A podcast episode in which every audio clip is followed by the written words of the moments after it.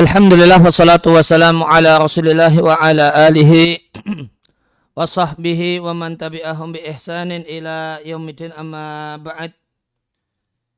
Kaum muslimin dan muslimah rahimani wa rahimakumullah.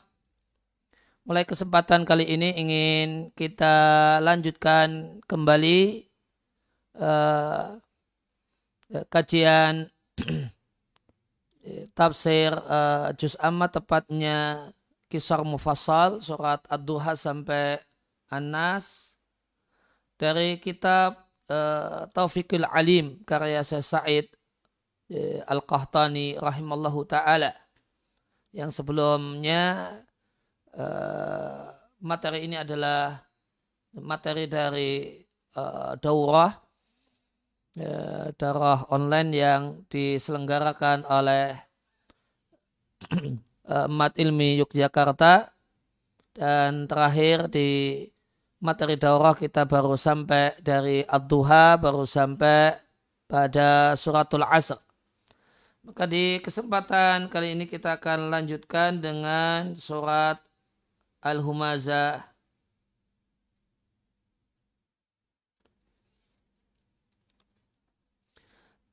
disampaikan oleh penulis uh, rahimallahu taala tafsir surat wailul likulli humazatil lumazah.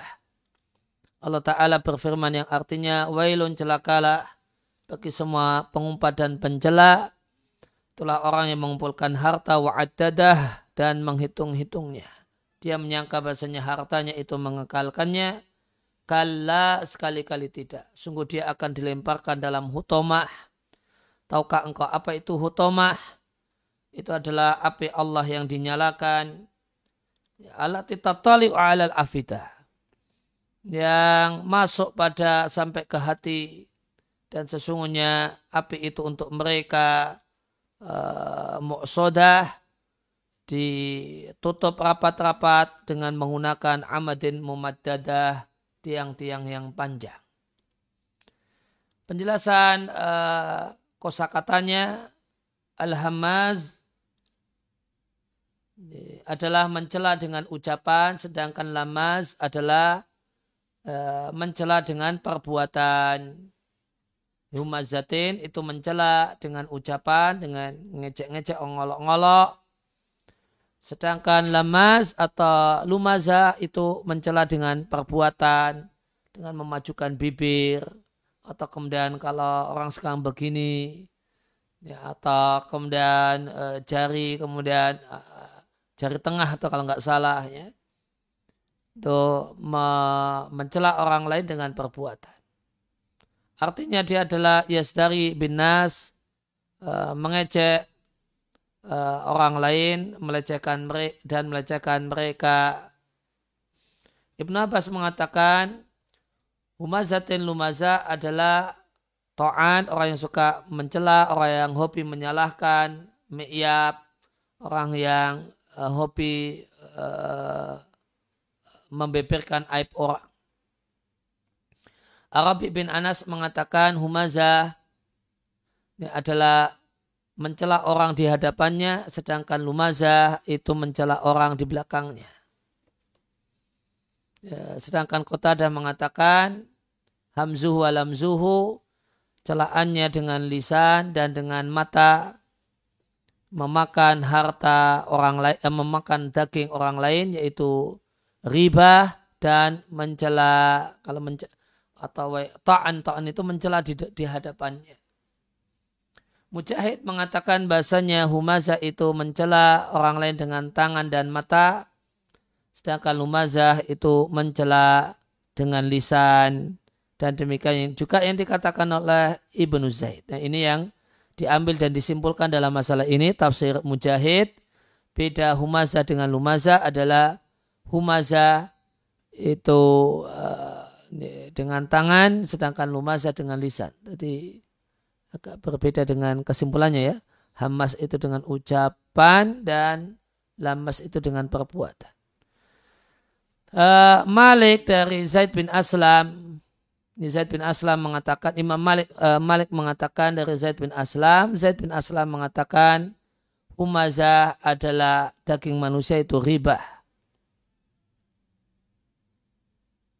Kemudian sebagian tafsir mengatakan yang dimaksudkan oleh ayat ini adalah seorang bernama Al-Aknas Ibn Syariq. Dan ada yang menyebut nama yang lainnya. Yang tepat sebagai menekata Mujahid ayat ini itu maknanya general tidak ditujukan kepada person tertentu. Kemudian penjelasan globalnya menukil dari tafsir As-Sa'di. Wailun artinya ancaman, wabalun dan bencana siksa dan siksaan yang berat untuk semua orang yang suka mencela dengan ucapan atau mencela dengan perbuatan. Yang melakukan humazah mencela dengan perbuatan dan lumazah mencela dengan ucapan. Maka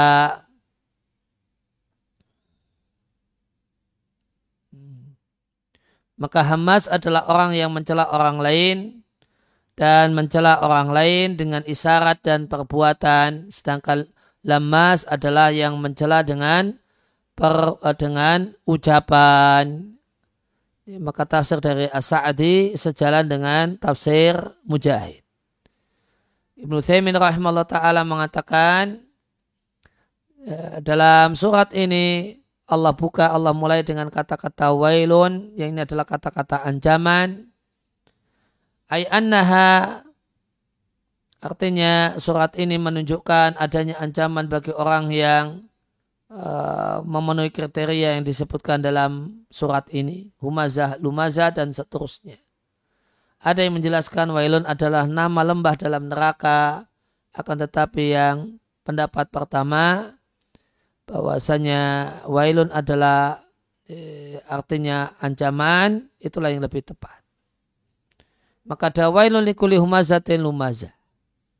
Likuli kulun itu di antara kata-kata yang menunjukkan uh, cakupan yang general dan umum. Humazah lumaza adalah dua sifat untuk hal yang sama, dua label untuk satu hal yang sama. Nah apakah humazah sama lumaza ini artinya sama ataukah beda artinya? Sebagian tafsir mengatakan ini dua kosakata ini dua kata dengan makna yang sama. Artinya ya humazah itu sama dengan lumazah. Wakala batu sebagian yang lainnya mengatakan masing-masing dari keduanya memiliki makna berbeda dengan makna kosakata yang lainnya. Kemudian ada kaidah yang ingin saya ingatkan dalam tafsir dan juga di luar tafsir. Jika ini kaidah bahasa berarti Ida daral amru jika makna itu berputar di antara, uh, untuk satu kata itu berputar satu kata itu malukho dengan kata yang lain berputar di antara dua kemungkinan bimaknan wahidin maknanya sama atau masing-masing punya makna maka hendaknya kita jadikan masing-masing punya makna yang mandiri dan tersendiri. Karena jika kita jadikan dua kata tersebut bimaknan wahidin, maknanya sama, maka jadilah dalam hal ini terdapat tikra pengulangan yang tidak perlu, yang tidak ada kebutuhan untuk itu. Akan tapi jika kita jadikan masing-masing darinya memiliki makna tersendiri, sarahada, maka ini jadi namanya taksis, masing-masing punya makna, watafrikon dan pembedaan di antara dua kata sehingga yang tepat untuk ayat ini likuli humazatin lumazah. Humazah itu berbeda dengan lumazah. Humazah itu mencela dengan perbuatan. Sedangkan lumazah mencela dengan lisan dan kata-kata. Sebagaimana firman Allah Ta'ala di antara orang-orang munafik. Ada orang-orang yang mencelamu yaitu dengan uh, dengan ucapan tentang sedekah. Tentang distribusi zakat jika mereka diberi mereka senang, jika mereka tidak diberi tiba-tiba hum yaskotun mereka marah-marah. Sehingga humaza itu dengan perbuatan artinya mengolok-olok orang lain dengan perbuatan semacam uh, memalingkan wajah atau cemberut di hadapannya atau dengan isyarat yang diarahkan kepada person tertentu dengan pantat, dengan memajukan bibir atau yang lain.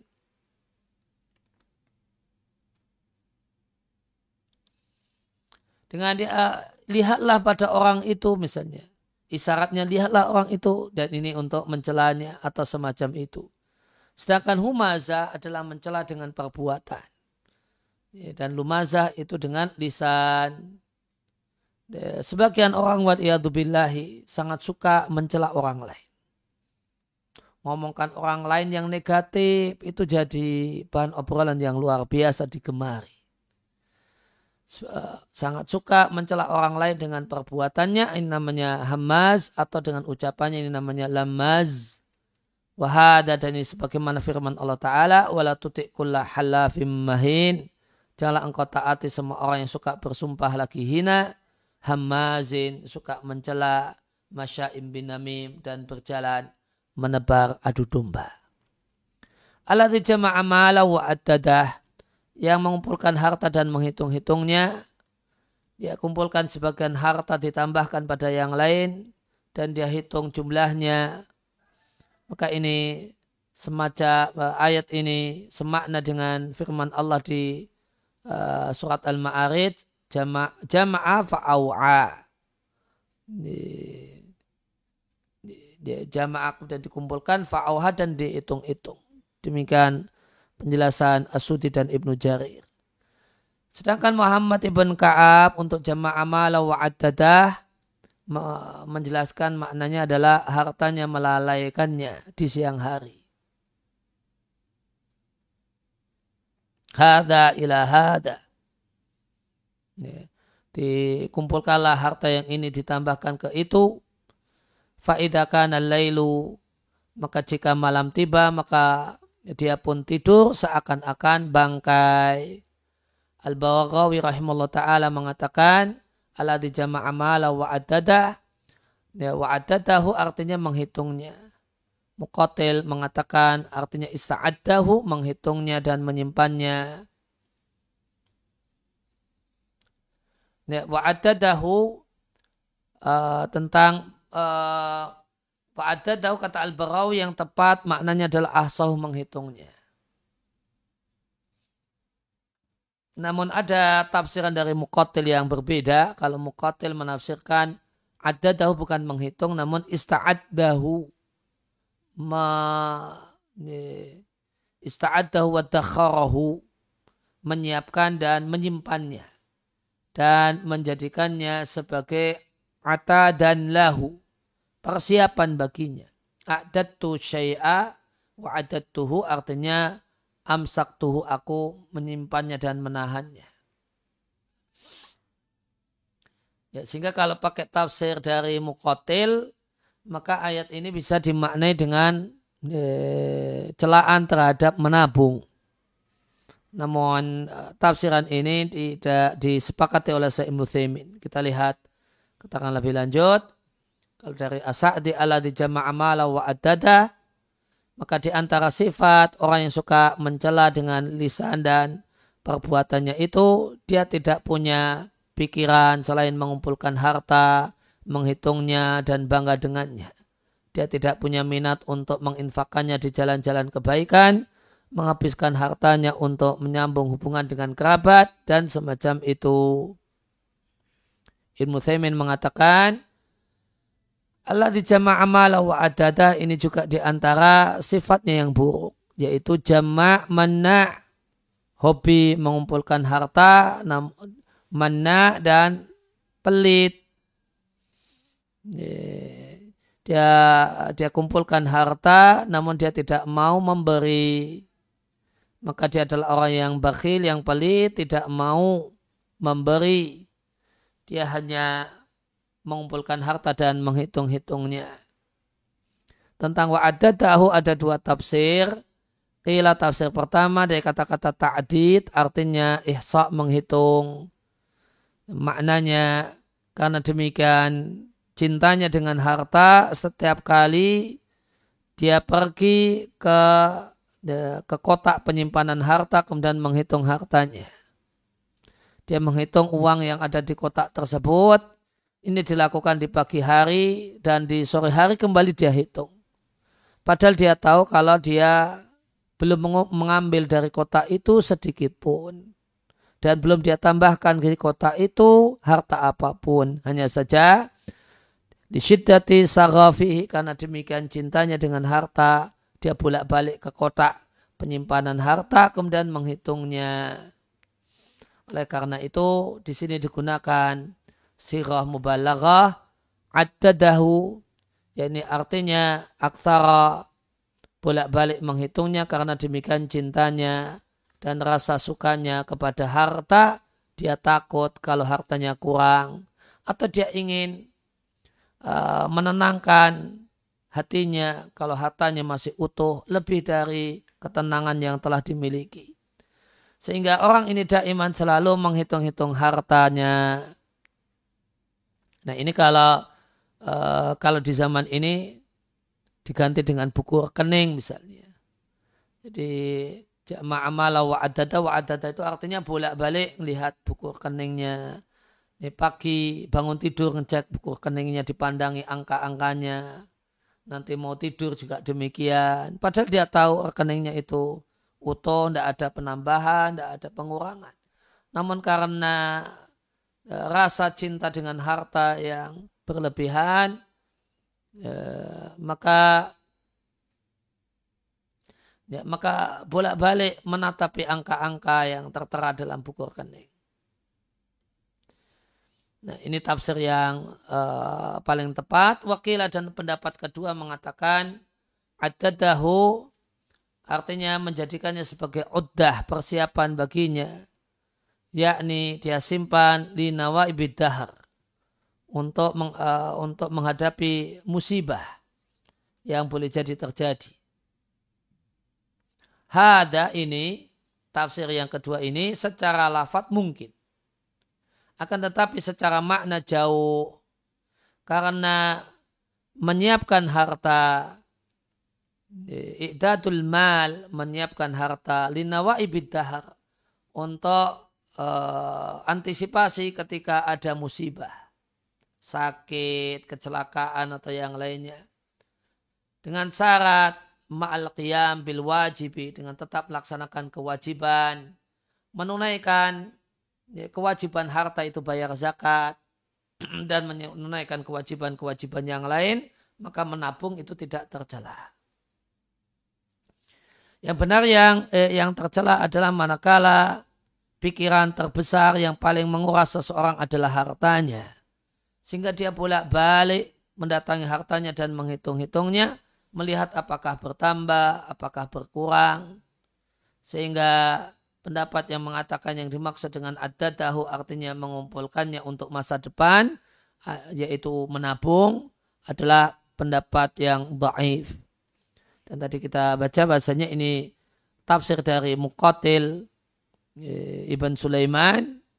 Uh, namun ini sebagaimana kata Syekh Nusaimin satu pendapat yang lemah karena Nabi itu menabung. Nabi menyimpan korma untuk keperluan satu tahun untuk uh, untuk keluarganya. Maka Nabi menabung. Sehingga tidak betul kalau jamaah amala wa adada adalah celaan terhadap menabung. dia kira bahasanya hartanya mengekalkannya. Artinya dia ya dunu menyangka bahasanya dengan mengumpulkan harta itu akan menyebabkan dia kekal di uh, di negeri ini.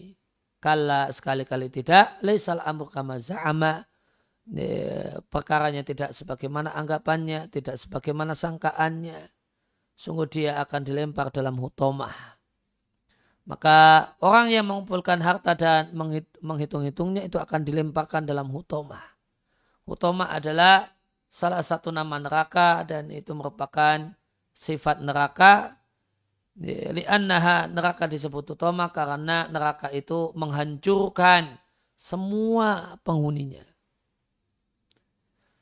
Yahsabu kata Sa'di, Yahsabu artinya menyangka dengan kebodohannya kalau harta itu mengekalkannya di dunia.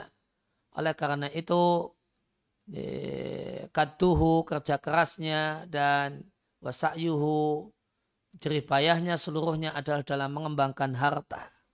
Yang dia sangka kalau itu menambah umurnya. Walamnya dari dia tidak tahu bahasanya annal bukhla bahasanya pak bahasanya pelit itu yaksiful akmar akan menghancurkan diar, menghancurkan rumah. Sedangkan kebaikan itulah yang menambah umur, bukan bukan harta yang menambah umur. Alamnya dia tidak tahu bahasa pelit itu malah memangkas umur dan menghancurkan uh, rumah. Artinya orangnya mati, kemudian rumahnya tidak berpenghuni, jadinya hancur. Nah, sedangkan amal kebajikanlah yang menambah umur. Ibnu Thaimin rahimahullah ta'ala mengatakan ya sabu anna malau akhladah orang tersebut menyangka bahasanya hartanya akan mengekalkannya dan mengabadikannya boleh jadi uh, mengkalkan fisiknya atau nama baiknya karena umur seseorang laisa bukanlah mabaqiya fitunya. Apa yang tersisa di dunia. Namun umur seseorang yang hakiki adalah apa yang membuatnya abadi setelah matinya. Wayakunu dikrahu eh, dan dia dikenang di hati banyak orang, bahkan di lisan banyak orang. Maka Allah berfirman dalam ayat ini, dia menyangka hartanya mengekalkannya, mengekalkan nama baiknya, atau memanjangkan umurnya wal amru laisa. Padahal realitanya tidak demikian. Karena orang-orang yang ah, inna ahlal amwal orang-orang kaya jika mereka tidak dikenal bil badli suka berbagi wal karam dan dermawan maka orang-orang yang kaya ini akan ya, awet namanya namun dengan bi zikr dengan nama jelek. Ada ungkapan abghalu min fulan. Lebih pelit dari itu abghalu min fulan. Orang ini pelit lebih daripada yang itu. Maka dia jadi dijadi menjadi parameter pelit. Dan disebutkan namanya di berbagai macam forum dan dicela oleh karena itu Allah katakan kalla sekali-kali tidak dia akan dilempar dalam hutomah Huna akalla di ayat ini dinamai oleh para ulama dengan sebutan huruf rada ini huruf yang atau huruf yang tarda membuat jerah orang yang punya kata-kata semacam itu. Atau hadal hasiba itu orang yang punya sangkaan itu maka dicegah dari perkataannya atau dari sangkaannya. Dan dimungkinkan bahasanya kala di sini maknanya hakon sungguh. Sehingga terjemahnya jadinya sungguh dia akan dilempar ke dalam hutomah. Dua kemungkinan ini benar, maka orang ya orang tersebut hartanya tidak akan mengekalkannya ya, dan tidak akan mengekalkan kenangan ya, kenangan baiknya. Dia akan dilupakan dan akan dilipat dikruhu uh, penyebutan dirinya atau bahkan rubah boleh jadi malah disebut-sebut dengan hal yang jelek dan tidak melaksanakan apa yang Allah wajibkan berupa berbagi. Sungguh dia akan dilemparkan dalam hutomah. Uh, lam di sini yang terletak uh, ha, lam waqi'atun terletak di jawaban jawab sumpah yang muqaddar. Sehingga watakdir makna utuhnya kalau mau dimunculkan wallahi layum badan nafil hutomah. Sungguh dia akan dilempar betul-betul dilempar Uh, dan jika kita katakan lam di sini adalah jawab sumpah, jadilah kalimat ini mendapatkan taukid dengan lam dan non taukid dan sumpah yang tidak dimunculkan. Dan ini satu hal yang banyak dalam Al-Quran. Uh, sesuatu ditegaskan dengan sumpah lam dan non, namun sumpahnya tidak dimunculkan. Dan Allah Ta'ala bersumpah dengan sesuatu itu untuk menegaskan sesuatu dan menunjukkan uh, besarnya dan gawatnya uh, permasalahannya. Ya, layum badanna apa yang akan dilempar? Jawabannya adalah pemilik harta ataukah harta? Jawabannya dua-duanya akan dilempar.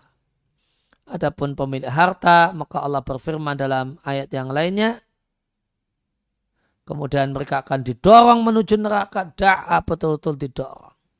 Sedangkan di sini digunakan yumbadan artinya yutrah dilempar ke dalam hutoma dan hutomah adalah sesuatu yang menghancurkan. Alati tuhatimu syai' yang menghancurkan sesuatu. Tuhatim artinya tufatit, membuat remuk dan membuat patah-patah. Famahi apa itu hutomah? Oleh karena itu lanjutannya ayat. Tahukah engkau apa itu hutomah?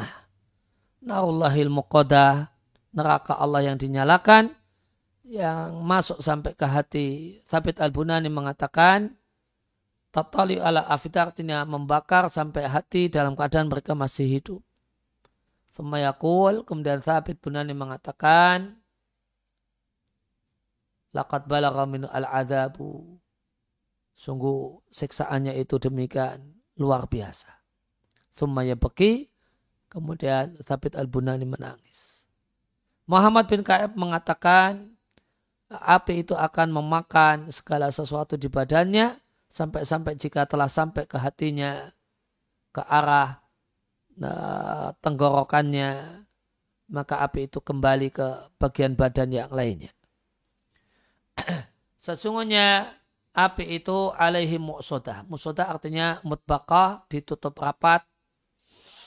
Fi amadin mumaddadah, kata Atiyah al-Aufi, yaitu dengan menggunakan tiang-tiang dari besi kata Asudi tiang dari api kata Syabi ibn Bishr dari Ikrimah dari Ibn Abbas uh, yakni al-abwab ya mamdudah pintunya itu adalah pintu yang panjang Ya, sedangkan kota ada dalam kiroah uh, berdasarkan kiroah Abdullah bin Mas'ud mengatakan inna bahasanya neraka itu alaihi pada mereka sudah ditutup menggunakan tiang-tiang yang panjang.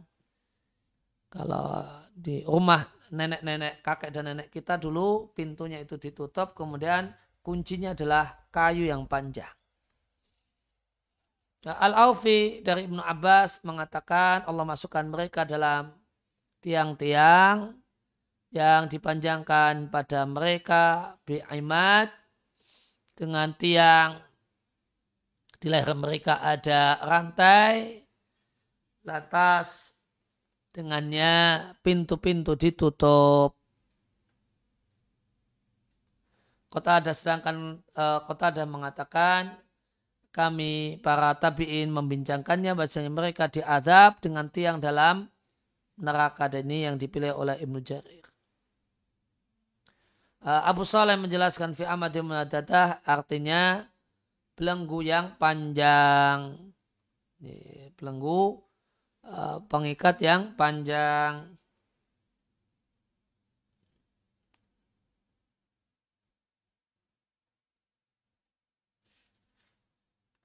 Asadi mengatakan layubadana sungguh artinya dilempar dalam hutomah. Apakah engkau tahu apa itu hutomah? Kalimat tanya ini untuk menunjukkan mengagungkan hutomah dan uh, membuat ngeri tentang hutoma. Kemudian dijelaskan itulah api Allah yang dinyalakan. Yang alat untuk menyalakannya adalah manusia dan bebatuan. Dan api itu karena syiddatiha, karena demikian mengerikannya api itu, dia masuk ke afidah. Artinya tembus dari badan sampai ke jantung.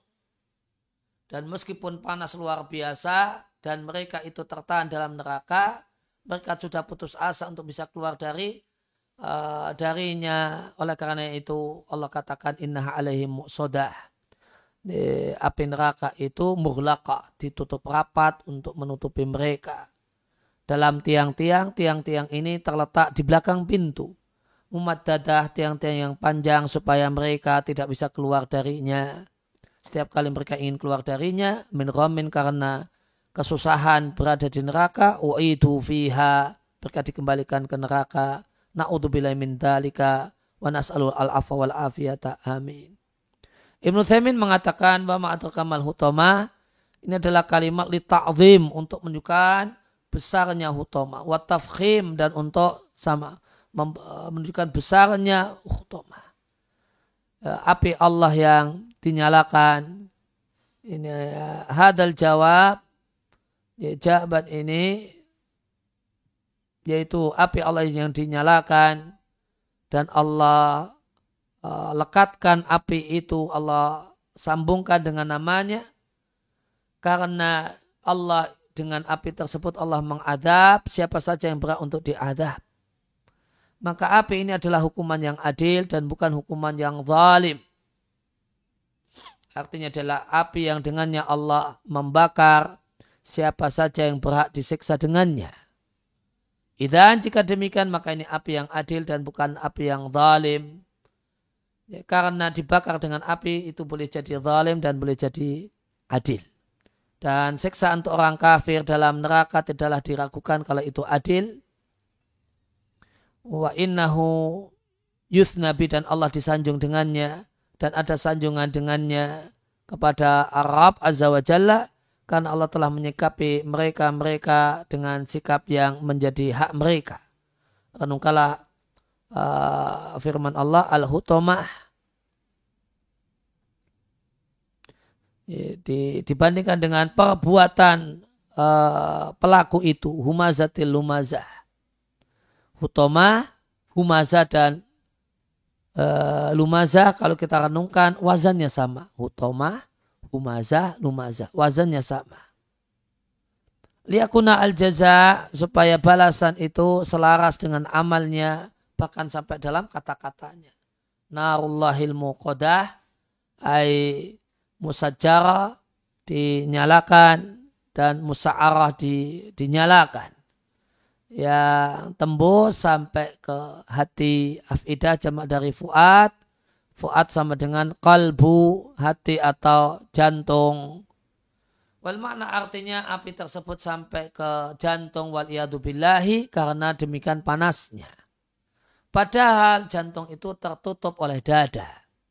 Antara jantung ya, wabainal jildi adzahir dan kulit luar. Ma bainaha di antara ke di antara di antara keduanya minat tobakot ada banyak lapisan. Lakin ma'adhalika meskipun demikian api itu sampai ke ke jantung. Innaha api itu alaihim uh, atas uh, inna sesungguhnya hutomah ya, api Allah yang dinyalakan itu itu alaihim itu diperuntukkan untuk orang yang pengumpat dan pencela, orang yang gemar mengumpulkan harta namun pelit untuk berbagi harta dan kebaikan. Kemudian di sini ada alaihim, ada domir, kata ganti dengan bentuk jamak, padahal di, kembalinya domir ini tunggal. Humazah itu tunggal. Maka alaihim ini biktibaril makna dengan melihat makna. Karena humazatin lumazah ini am. Umum mencakup semua orang yang suka mencela dan semua orang yang suka mencela. Api itu muksodah artinya mughlaqa ditutup rapat-rapat. Pintunya ditutup rapat-rapat sehingga tidak ada harapan bagi mereka farajun untuk hilang atau kemudian terbebas dari kesusahan wal billahi. Kullama aradu ayakhruju minha uidu fiha. Setiap kali mereka ingin keluar dari neraka, mereka dikembalikan ke dalam neraka. Artinya mereka itu diangkat, penghuni neraka ini diangkat sampai dekat pintu. Sehingga mereka berharap bisa keluar. Summa ba'da dhalika Kemudian setelah itu uh, yeah, mereka kemudian dimasukkan kembali ke dalam neraka dan dikembalikan ke dalam neraka. Kuluhada ini semua disyiddati ta'adib untuk untuk supaya siksaannya itu demikian keras. Karena seorang itu jika berharap fil hilang kesusahannya, ya, bahasanya dia akan selamat, dia akan selamat, ya yakhlus atau yukhalla, eh, dia akan selamat, yafra maka dia gembira. Faidah uida ketika dia dikembalikan, sorot jadilah intikasun jadidah. Ini jatuh ini. Terbalik yang baru. Fahakada maka demikian juga, maka demikalah mereka disiksa dengan hati mereka di samping siksaan badan. Dan siksa untuk penghuni neraka itu disebutkan secara rinci dalam Al-Quran dan hadis-hadis Nabi. Ta'amal renungkanlah al-an saat ini seandainya ada seorang yang ada dalam kamar atau ada dalam mobil kemudian api dinyalakan fiha di dalam kamar dan mobil itu. Dan dia tidak punya tempat untuk berlari karena pintu digembok. Maka apa yang terjadi? Dia dalam kesedihan yang luar biasa tidaklah ada satupun kesedihan yang semisal dengannya. Fahum maka mereka wal bilai hakada demikian dalam neraka. Neraka itu ditutup rapat untuk mereka.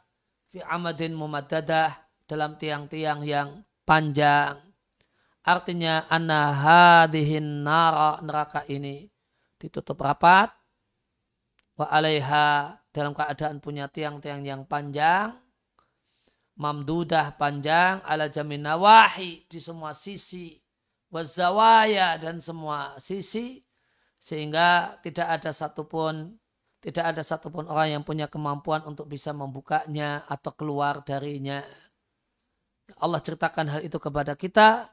Allah jelaskan kepada kita di surat ini bukan hanya semata-mata kita baca dengan lisan kita atau kita ketahui maknanya dengan pemahaman kita, namun yang dimaksudkan adalah supaya kita mewaspadai dan menjauhi sifat-sifat tercela yang Allah sebutkan dalam surat Al-Humaza yaitu suka uh, menjelek-jelekkan orang.